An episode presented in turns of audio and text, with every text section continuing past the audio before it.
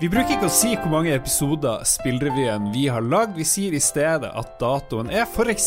som denne uka 14.12., og vi er tilbake for å snakke om de viktigste spillnyhetene. Men Jon Cato, jeg syns det er jo litt gøy å markere at vi er på vår 50.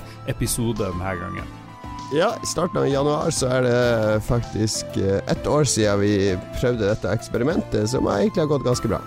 Ja, Syns du det går greit? Er det noe du savner i spillrevyen? Eh, litt flere jingler, litt uh, mer vær? Jeg vet, Vi modellerer oss jo etter Dagsrevyen, og der har de været og sport. Det har ikke vi. Jeg savner, Akkurat nå savner jeg litt flere spillnyheter, fordi eh, jeg er veldig avhengig av hva som skjer når du har et nyhets- og aktualitetsmagasin. Ellers må man drive og finne opp nyheter. Ja, Men det har skjedd litt. Det har kommet nye norske spill, og det har vært Game Awards.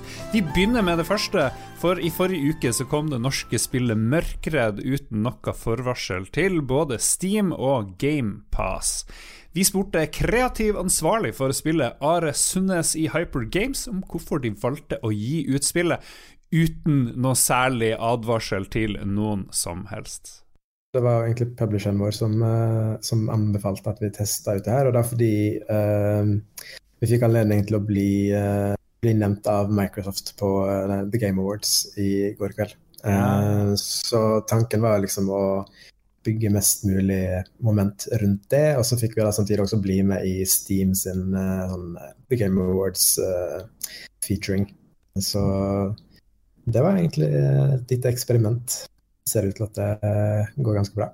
Hvordan, hvordan, får man plutselig en deal med GamePass? Hvordan får man en deal med, med Steam? Hvordan funker sånne ting?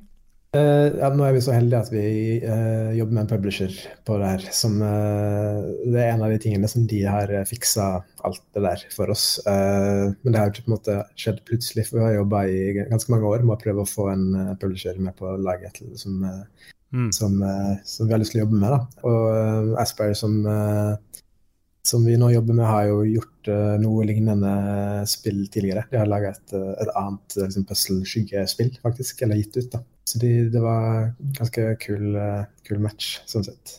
Ja vel. Kanskje noe om business. Jeg vet ikke, eh, hvor, hvor, lenge, hvor lenge, har du jobba med Mørkredd nå? Det er fire, fire, år snart. Eh, vi lagde det første liksom, demoen av Mørkredd lagde vi til NM i Gameplay i 2017, blir det vel? Ja, januar 2017. Ja.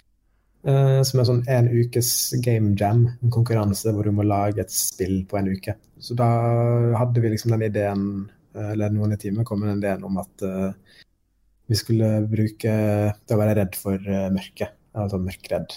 Mm. Temaet for konkurransen var frykt, så vi valgte liksom frykt for mørket som vårt, vårt tema for konseptet. Og så etter liksom, jeg det var bare etter en dag eller to, så så kom vi opp med konseptet med den kula som du skal trille rundt på, som kaster uh, lys rundt i en radius rundt seg, og da også kaster ganske lange skygger uh, hvis mm. noen står i veien. Uh, og kjernekonseptet til spillet er at hvis du havner i en skygge, så dør du. Uh, så er det to spillere hele tiden som spiller sammen. Enten to personer som spiller to karakterer, eller så er det én person som styrer begge karakterene alene. da. Mm. Eh, og da er det veldig veldig lett å eh, havne i skyggen fra den andre karakteren i spillet. Som er en av hovedutfordringene i spillet. Jeg kan skrive under på at skyggene Jeg er ikke så veldig venn med dem i det spillet der. det, det, det, er litt, det, men det lærer deg en annen måte å tenke på. Eh, ikke sant? Mm. Du er vant til at La oss si at det skjedde noe rart, og så plutselig hang det en lyskule i, over hodet ditt eller i nærheten der du gikk, men du må bare passe på å ikke gå der det er skygge. Og så, og så er det plutselig trær, ikke sant, og, og sånne ting. Og, det, og, da plutselig blir jo trær livsfarlig, for da er det jo skygge hvis du er på den mm. ene sida og lyskula er på den andre. Så det, det, er litt sånn eh, Man må stille om hjernen sin, og jeg liker det. Og jeg liker veldig godt å, å, å prøve å spille to spillere med, med bare meg sjøl, for det er jo det er sånn couch-coop, eller du kan også på Steam så kan du spille coop et, med noen eh, et annet sted i verden. Men, men, hvis du spiller det alene, da, så det blir, det blir en ekstra utfordring, blir det ikke det? Jo, absolutt. Det det er, veldig forskjellig å spille det alene og med en annen. Uh, men begge deler er liksom utfordrende og morsomt på sin egen måte. Hvis du spiller alene, så, så er den her uh, ekstra utfordringen med koordinering. At du må liksom rappe igjen eh, litt rundt eh, problemet ved å finne ut hvordan du skal eh, styre begge karakterene. Det er litt som å ja, gjøre to helt forskjellige operasjoner med, med begge armene, som kan være veldig utfordrende. hvis du spiller sammen med en annen, så, så jo da slipper du det, men da har du en sånn veldig sånn usikker faktor hele tiden med hvordan den andre karakteren beveger seg, eh, mm. som du ikke kontrollerer. Så begge deler er jo utfordrende på sine måter. da. Spillet virker veldig polished. Det må jeg si, det var førsteinntrykket mitt etter sånn to sekunder. Hm, til, og når jeg er kanskje slem, til et norsk spill så syns jeg jeg var usedvanlig lite janky. Jeg har ikke slemt i alle fall. Det er hyggelig. Uh, ja, takk. Det er veldig hyggelig å høre. Vi, har, vi er jo veldig um, perfeksjonister på de uh, visuelle tinga, så vi har uh, brukt litt tid på det. Ja, Men nå skal jeg ikke si noe stygt. Jeg har jo nesten spilt uh, Cyberpunk 2077, og jeg har vel ikke sett så mye bugs i et spill på lenge, så det har ikke så mye med hvor du lager det henne. Ja, ja. Hvordan, hvordan, har det vært å skulle gi noe ut f.eks.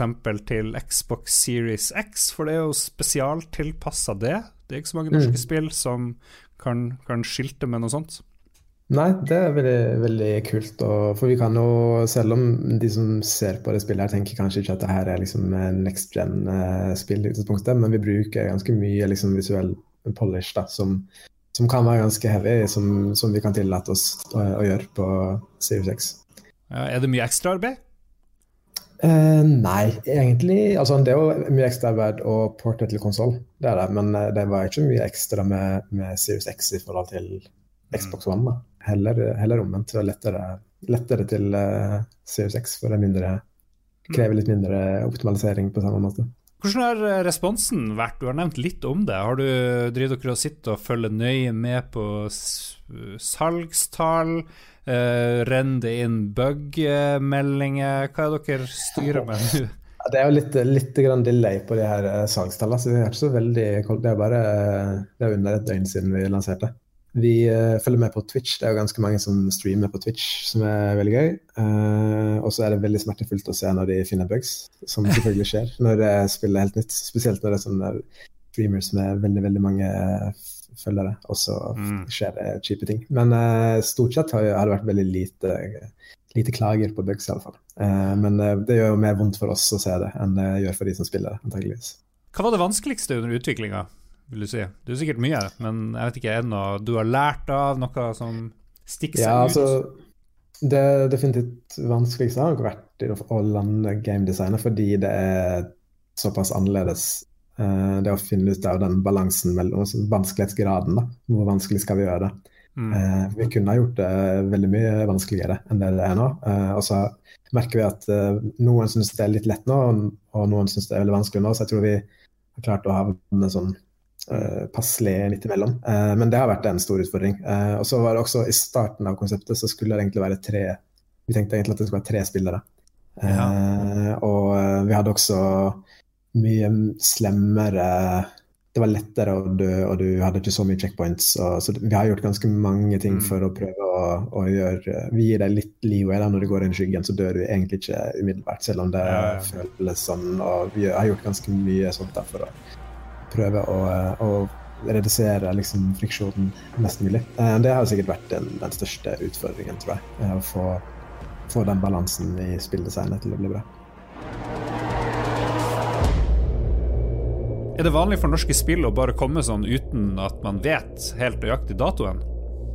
De fleste annonserer jo en eller annen dato på forhånd, men hvis du skal annonsere eller kunngjøre en dato på forhånd, så må du jo også bygge opp en del markedsføring og aktiviteter fra du kunngjør datoen, til spillet er tilgjengelig, for å generere wishlist-registreringer og mm interesse for spillet. Så, så, hvis du ikke gjør det, så er det egentlig ikke noe poeng i å annonsere en dato. Da, da kan du like godt bare slippe det ut i intet. Men det er jo ikke sånn at de bare har sluppet det uforvarende eh, over natta det er jo sånn masse skjulte ting som foregår bak her, sånn at de har en masse boost når det kommer. Altså at Microsoft fremhever det, og, og andre mm. eh, gir de eh, den der eh, ah, Wow, plutselig et helt nytt spill tilgjengelig. Hvor lurt er det å gi ut spill nøyaktig samtidig som eh, Cyberpunk 2077, tror du? Det her er en sånn her eh, enorm vanskelig kabal som aldri går opp, for det er stort sett aldri en gunstig periode der alle andre som lager spill i verden, sier at vet du hva, denne uka så skal vi, alle vi andre i hele verden, ikke gi ut noe spill, så vær så god, bare du kjære spillutvikler fra Norge, bare slipp spillet ditt denne uka, så får du all presse og PR. Altså, det er, det er ingen god periode å gjøre det på. Eh, det dumme hadde jo vært å slippe et eh, sci-fi-spill, eller et spill med samme tematikk som Cyberpunk samme uke, for det er ikke sånn at åtte millioner gamere, eller hvem det er som har forhåndskjøpt uh, Cyberpunk. Det er ikke sånn at spillmarkedet består av de åtte millionene, de består av uh, en milliard mennesker.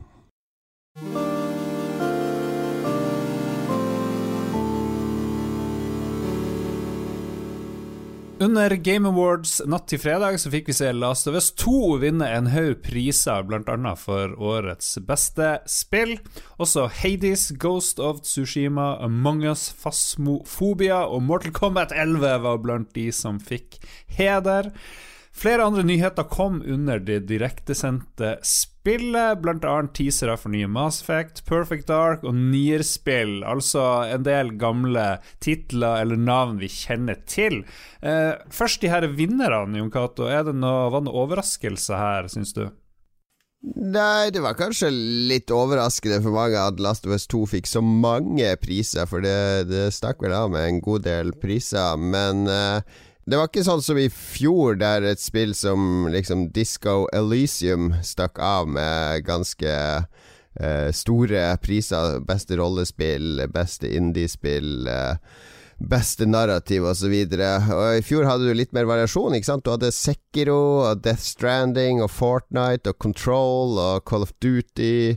Det var litt mer sånn spredd utover prisene, mens i år var det litt mer no, færre titler som fikk flere priser. Ja, jeg ser at uh, Flight Simulator eh, kommer til Xbox neste sommer. Det er kanskje ikke en stor overraskelse, eller Men det kommer kun til de helt nye maskinene, ser jeg.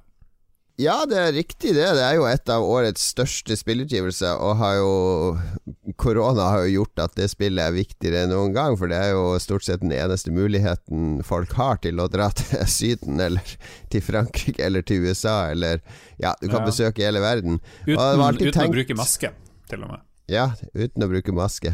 Jeg har alltid tenkt at det skulle komme på Xbox, men eh, det krever jo en del av eh, maskinvaren. Så det å gi det ut på en original Xbox One med maskinvare eh, satt sammen i 2012 er vel det som å skulle gi det ut på Switch, basically. Så, så jeg skjønner jo at de velger å droppe de plattformene akkurat for denne tittelen. Ja. Det ble annonsert nytt kart til Among us. Jeg driver og tenker Hvor lenge skal det klare å holde seg som et, eh, et av de, de, største spillene i verden? Hva du tenker om det? Jeg visste, Dagen etter så viste jeg den traileren for det nye kartet til mine to barn på 11 og 9 år, og de eh, fikk sånn hakeslepp. Altså, de fikk helt De syntes det så så kult ut. Så tydeligvis er de jo fortsatt Eh, du kan sammenligne spillet med jojoen, ikke sant? Among us er fortsatt hipt og kult blant de yngste, og det er alt som betyr noe i denne sammenhengen. Men så Faren er jo at det ender opp som Fortnite. Fortnite er jo nå en eneste stor uh, reklame for Disney-produkter, uh, infisert av Marvel og Star Wars og, og alt som Disney-apparatet skal selge. Så jeg håper Among us klarer å holde seg til kjernen av opplevelsen, som er da lille sosiale, intime settinga for flere spillere, der samtalen og dialogen og skal løse problemene om bord. Som vanlig så er det masse oppfølgere og reboots av spill. Når det, når det er sånne gameshow sånn som det her og E3, da har vi denne gangen nye Mass Effect, nye Perfect Dark og nye Nier-spill, var vel det som jeg la mest merke til. Jeg kjenner at jeg begynner å, å, å, bli klar for et nytt Mass Effect. Det ser ut som eh, det går tilbake til røttene. De glemmer det her Andromeda, og så er det vel en gammel karakter som viste seg frem i den nye teaser-traileren. De skulle gjort sånn at uh, traileren starta med at en karakter våkna, og, og det ble konkludert med at hele Andromeda bare var en drøm. sånn som man avslutta alle de gode skolestilene på. Men Nei da, jeg, jeg, jeg, må innrømme at jeg, det er kanskje at jeg prøver litt for hardt å være litt kontrær og, og hipp, mm. men alle disse nye uh, spill i eksisterende franchiser det er ren fanservice. For meg det betyr ingenting at det er et nytt Perfect Dark eller et nytt Mass Effect eller noe sånt. Jeg syns det, det, som er gøy, er når det, når det kunngjøres helt nye ting. Altså ting som kommer helt fra sidelinja. Altså bare what? Hva er det her for noe? Oi. Eh, sånn som eksempel Josef Fares, som kom med et spill som ser ut som en romantisk komedie. Samarbeidsspill, altså It Takes Two. Det, det, ser ut som en komedie i spillform. Vittig, noen sånne småspill, stor kampanje eller et eller annet. Du skal spille sammen med din partner, virker det som.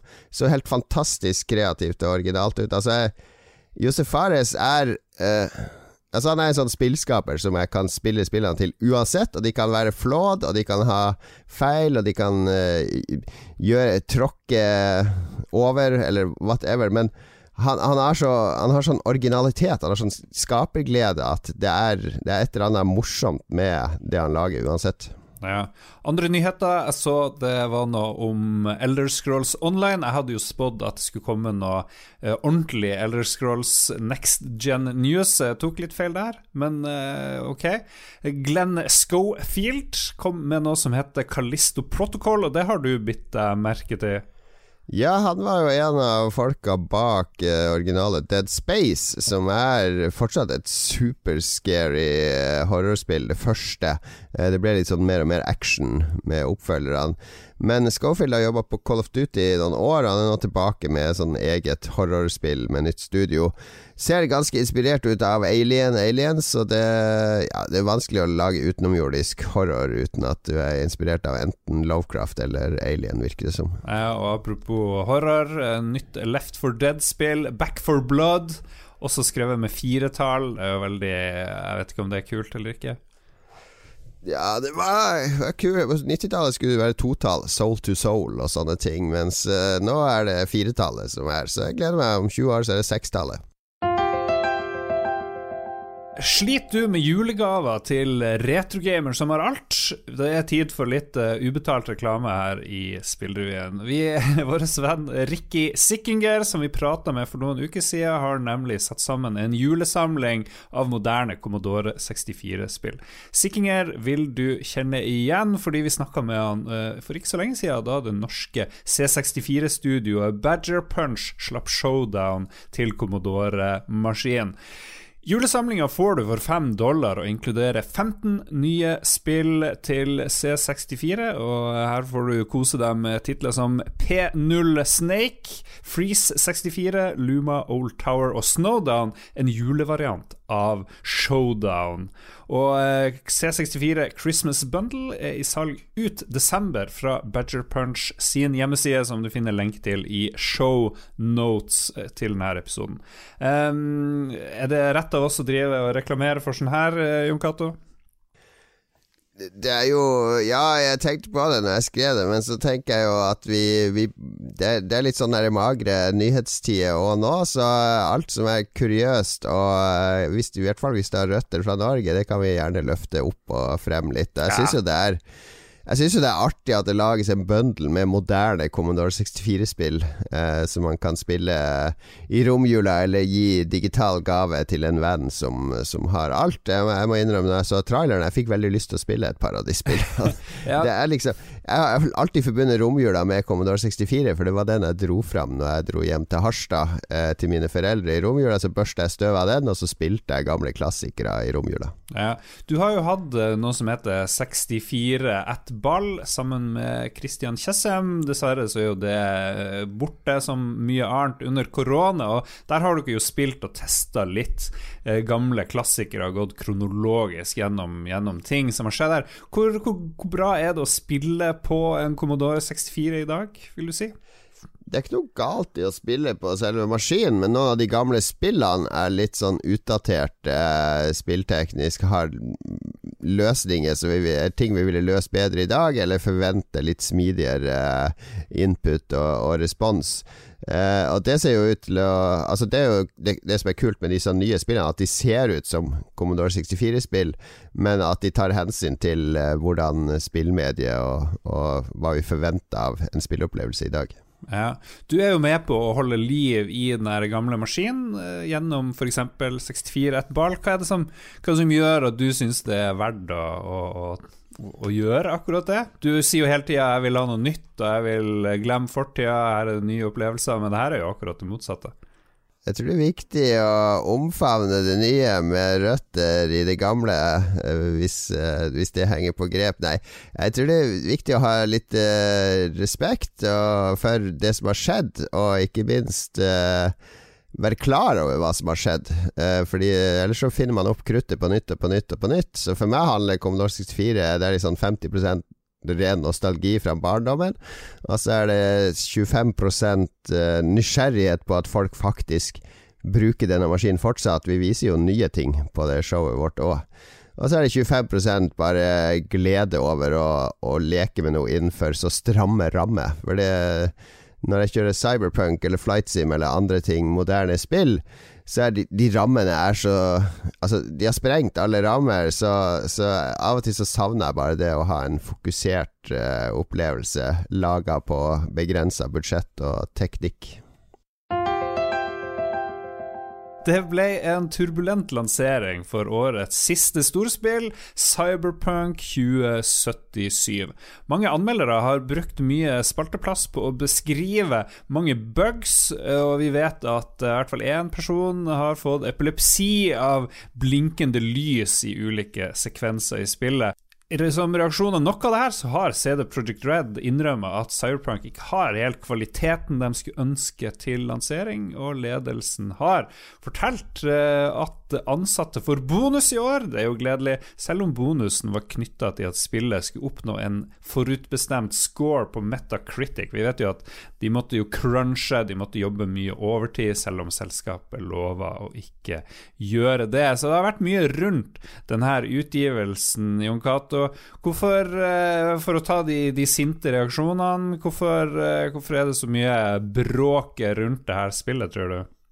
Spillet har liksom blitt sånn der uh, origo for alt av drama i spillbransjen. Altså, det er den crunch-kulturen har det blitt målskive for. Det er, det, det er ikke progressivt nok, har det blitt målskive for. Uh, det er uh, lansert med litt for mye bugs.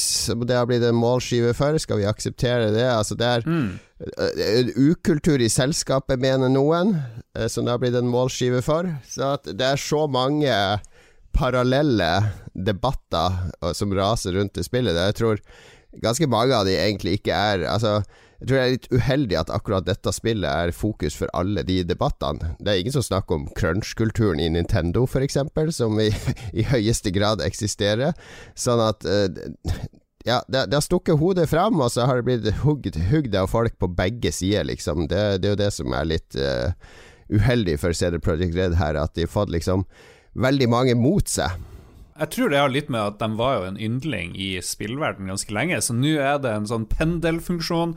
Nå skal vi ta dem, for de var jo kjent for å gi ut all DLC gratis, stort sett. De, de ja, det kommer de, men det, alt det kommer de til å fortsette å gjøre. Det var ikke sånn at The Witcher 2 eller Witcher 3 var perfekte bugfrie ved lansering, snarere tvert imot.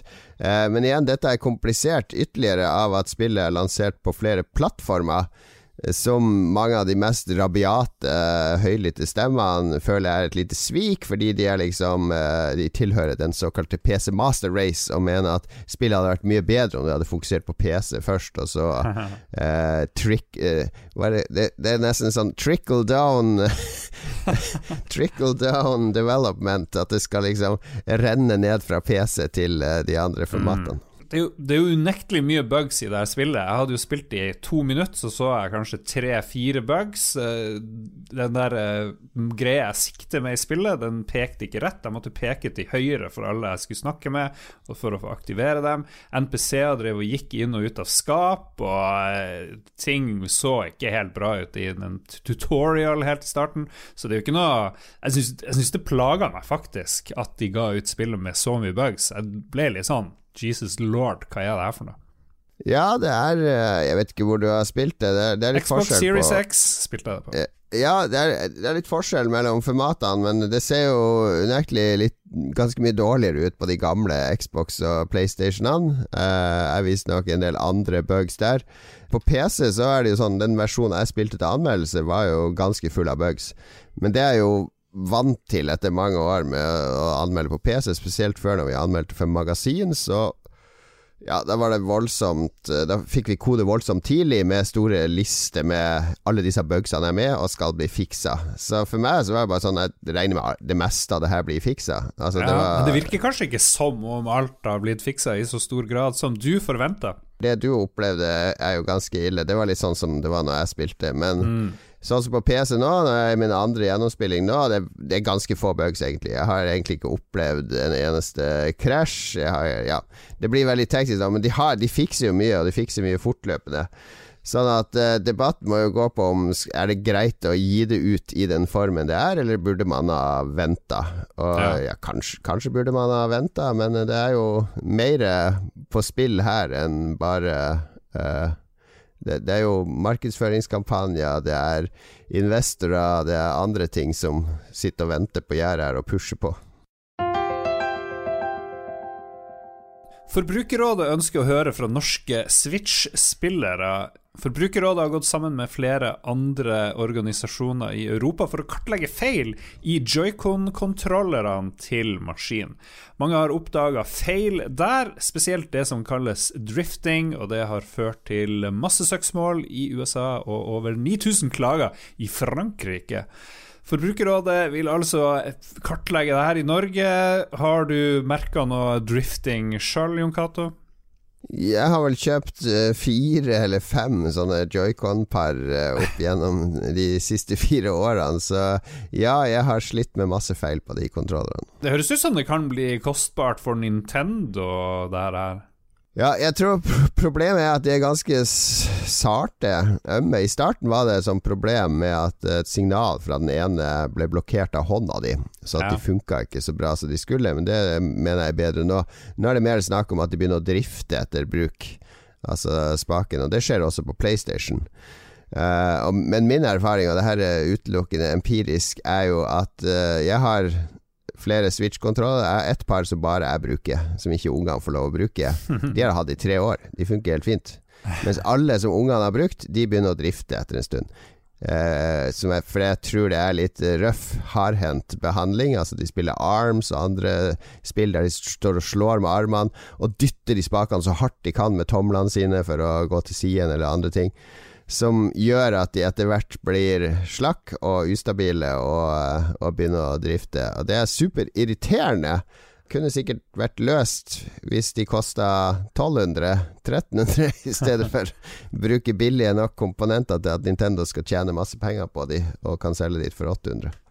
Det er, ikke, det er ikke første gang de har fått smekk av Forbrukerrådet. Det skjedde faktisk med Nintendo 64 òg i England, eh, da de satte ned prisen på maskinen eh, litt for raskt etter lansering, som ikke er lov.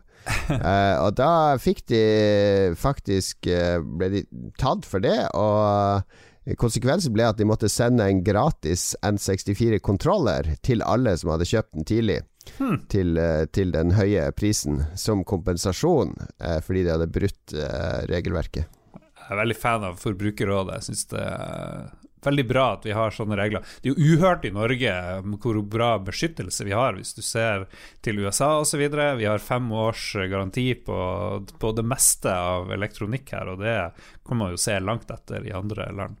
All right. Vi avslutter sendingen vår med å se på spillutgivelsene som kommer denne uka, og her ser det forferdelig tomt ut. Ja, vi kan vel ta med Mørkredd da, sånn uh, som attpåklatt, siden de er så, så, dumme at de ikke sier fra når spillet kommer. Så fikk vi ikke ta det med forrige, forrige spillrevyen, så da får vi ta det på etterskudd nå at uh, Mørkredd er tilgjengelig nå. Det er vel gratis hvis du har Xbox GamePass, eller så ja. kan du betale penger for det. Yes. Eh, de sa faktisk fra at det kom, men vi fikk ikke lov å fortelle det, for det skulle jo være en stor overraskelse. Men jeg har nå spilt det, har du prøvd uh, Mørkredd? Jeg må si jeg er veldig imponert eh, over det. Det er vel det mest polisha norske spillet jeg har prøvd noensinne, tror jeg faktisk. Ja, nei, jeg skal spille det i jula, tenkte jeg, med en av ungene mine. Jeg følger Rune Fjell Olsen sitt eksempel og sparer det til litt uh, adventskos med barna. Ja, jeg det i co-op og singleplayer, og begge delene har sin sjarm, men jeg omfaler absolutt co-op, hvor man skal drive og styre en ball av lys rundt i mørke områder, og hvis du eller uh, din medspiller havner i mørket, så dør dere. Så det, det, man må vri og tenke litt annerledes uh, enn du har gjort i noen andre spill, og de liker jeg veldig godt. Sånn, det var det for en av de aller siste utgavene av Spillrevyen i 2020. Vi kommer vel med en til like før jul, Jon Cato. Ja, en vanlig episode til, og så uh, håper vi å ha en årskavalkade i romjula. Det er det bare å glede seg til. Sjekk også pressfire.no, som vi samarbeider med, og hør Lolbua, som kommer hver onsdag. Takk til Martin Herfjord for jingler og musikk. Og hvis du vil støtte oss eller Pressfire, så gjør du det på Patrion. For vår del så er det patrion.com slash lolbua. Ha det bra.